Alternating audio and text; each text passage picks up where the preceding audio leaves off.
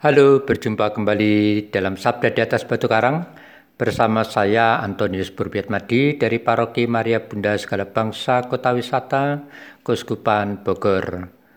Saudara-saudari yang terkasih, hari ini Kamis tanggal 13 Mei, gereja merayakan Hari Raya Kenaikan Tuhan. Bacaan-bacaan kitab suci yang dapat kita persiapkan untuk bahan renungan kita Bacaan pertama dari Kisah Para Rasul bab 1 ayat 1 sampai 11 dan Injil diambil dari Injil Markus bab 16 ayat 15 sampai dengan ayat 20. Renungan tertulis dapat saudara-saudari unduh atau baca dari laman Warta Paroki Maria Bunda Segala Bangsa www.mabuseba.org Tema renungan hari ini diangkat menjadi pewarta Injil dan saksi iman. Saudara-saudari yang terkasih, dengan menerima sakramen baptis, maka kita selain menjadi pengikut Yesus, kita juga memiliki konsekuensi untuk memberitakan tentang diri Yesus dan nilai-nilai pengajarannya. Namun bagaimana dalam kenyataannya? Adakah kita sungguh berani memberitakan tentang Yesus dan melakukan penginjilan atau memberikan kesaksian iman kepada banyak orang di tengah kemajemukan masyarakat kita dalam kehidupan yang penuh tantangan duniawi ini? Saudara-saudari yang terkasih, dalam bacaan Injil pada hari ini dikisahkan bahwa sebelum Yesus terangkat ke surga, Yesus memberikan amanat kepada para muridnya agar mereka pergi ke seluruh dunia untuk memberitakan Injil kepada segala makhluk, serta menyerukan bahwa siapa yang percaya akan Yesus dan dibaptis, maka akan diselamatkan, tetapi yang tidak percaya akan dihukum. Itulah tugas perutusan penginjilan dari Yesus kepada para muridnya. Dan tugas perutusan itu melalui gereja yang kudus, Katolik dan Apostolik sudah diwariskan juga kepada kita untuk kita lakukan. Bersyukurlah bahwa Tuhan mengangkat kita juga untuk menjadi pewarta dan saksi iman.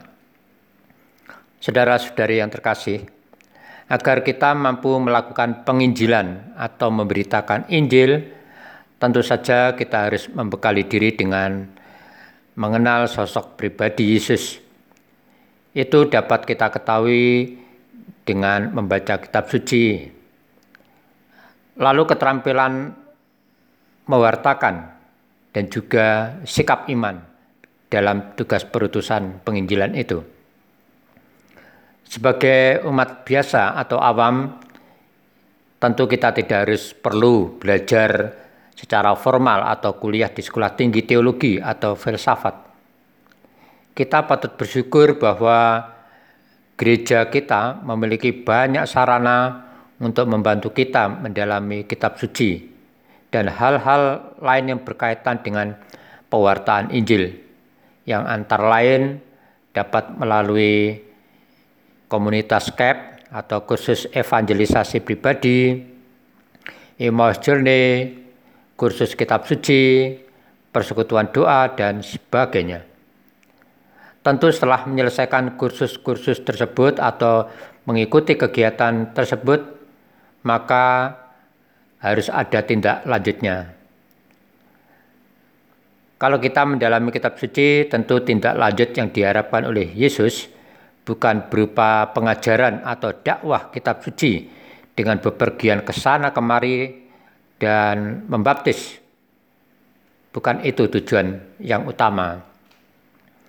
Penginjilan adalah memperkenalkan pengajaran dan perbuatan Yesus melalui perbuatan nyata dari diri kita sendiri. Jadi melakukan penginjilan adalah menunjukkan nilai-nilai ajaran dan perbuatan Yesus dan juga pribadi Yesus sendiri sebagaimana yang dicatat dalam Injil yang kita lakukan terhadap diri sendiri, terhadap sesama, dan lingkungan alam. Dalam Injil dikatakan kepada segala makhluk. Saudara-saudari yang terkasih, menjalankan penginjilan yang adalah amanat agung dari Tuhan tersebut memang tidaklah mudah. Namun sebagai murid Tuhan dan umat beriman, kita percaya akan penyertaan Tuhan pada kita. Tuhan akan memberikan roh kudus sebagai pendamping kita dalam tugas pemberitaan Injilnya. Sebagaimana kita dengarkan dalam bacaan pertama. Semoga dengan pesta kenaikan Tuhan yang kita rayakan bersamaan dengan Hari Raya Idul Fitri, iman kita semakin diteguhkan sehingga kita semakin bersemangat dalam menjalankan tugas pemberitaan Injil Tuhan dan kita sungguh-sungguh menjadi saksinya. Amin. Saudara-saudara yang terkasih, sebagai murid Tuhan, mari kita tetap terus mau menjadi pelopor dalam kesetiaan menjalankan protokol kesehatan dengan rajin memakai masker, mencuci tangan, menjaga jarak saat berhadapan dengan orang lain, menjauhi kerumunan, dan menghindari bepergian yang tidak perlu. Semoga Tuhan memberkati kita. Amin.